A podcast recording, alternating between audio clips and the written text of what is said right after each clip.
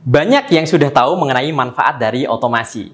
Namun, bagaimana kita bisa mengimprove ROI dan mendapatkan benefit yang lebih optimal dan lebih baik lagi dari implementasi automation ini?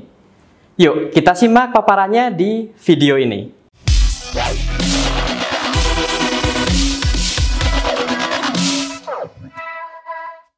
Ketika volume pekerjaan bertambah, maka bertambah pula cost atau biaya yang dikeluarkan. Misalnya untuk menambah tenaga kerja untuk mengcover area pekerjaan tambahan tersebut.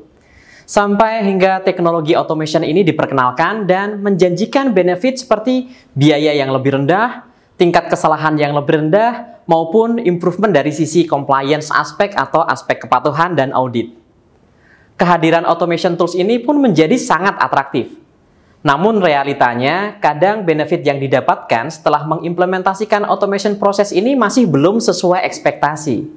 Terlebih ketika organisasi ini memulai mempertanyakan mengenai ROI. Setidaknya ada empat hal yang mampu membuat ROI ini lebih baik lagi. Apa saja itu? Yang pertama adalah digital leadership.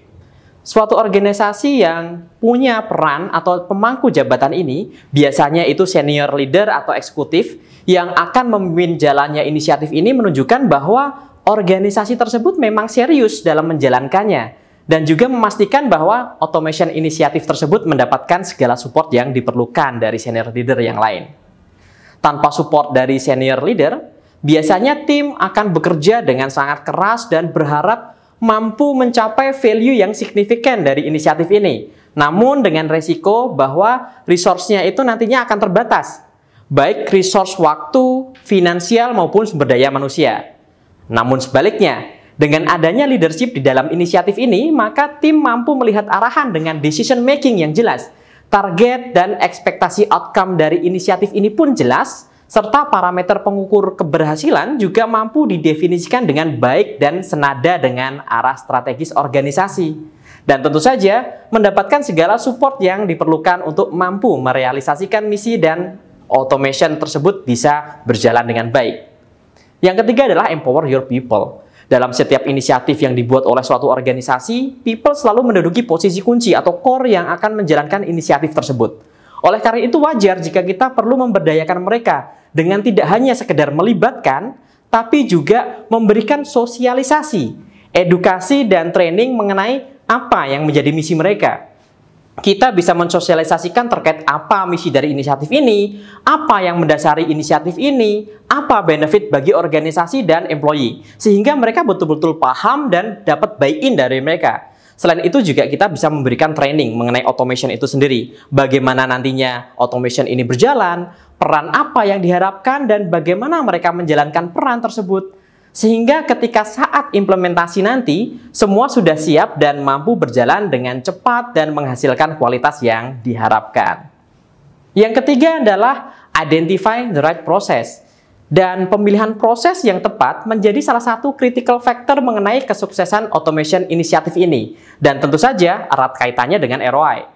Kita perlu memilih proses-proses mana saja yang ketika itu diotomatiskan, maka akan mampu mendapatkan value yang signifikan baik bagi customer maupun bagi organisasi itu sendiri.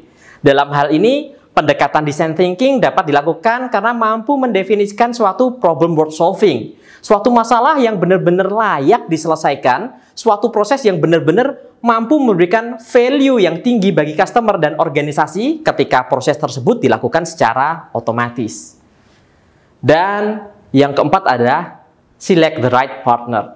Last but not least, tentu saja pemilihan partner atau vendor yang tepat dalam implementasinya nanti dan juga hal ini menjadi salah satu driver yang diharapkan mampu melakukan cost saving. Maka dari itu tidak hanya sekedar faktor harga dan kualitas yang ditawarkan oleh partner atau vendor, namun juga kemampuan partner atau vendor dalam berkolaborasi, membimbing dan memperkuat internal talent di dalam organisasi sehingga nantinya dalam melakukan scale up atau pengembangan lebih lanjut dapat dilakukan secara mandiri oleh talent-talent organisasi tersebut tanpa banyak bergantung pada external entity sehingga bisa lebih mampu melakukan cost saving semenjak implementasi tersebut dijalankan.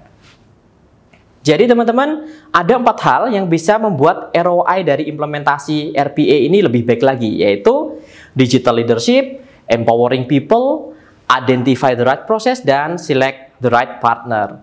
Dan dari keempat hal tersebut, mana saja yang sudah Anda lakukan, dan apa saja yang sedang Anda prioritaskan saat ini sehingga ROI automation implementation nantinya menjadi lebih tinggi lagi.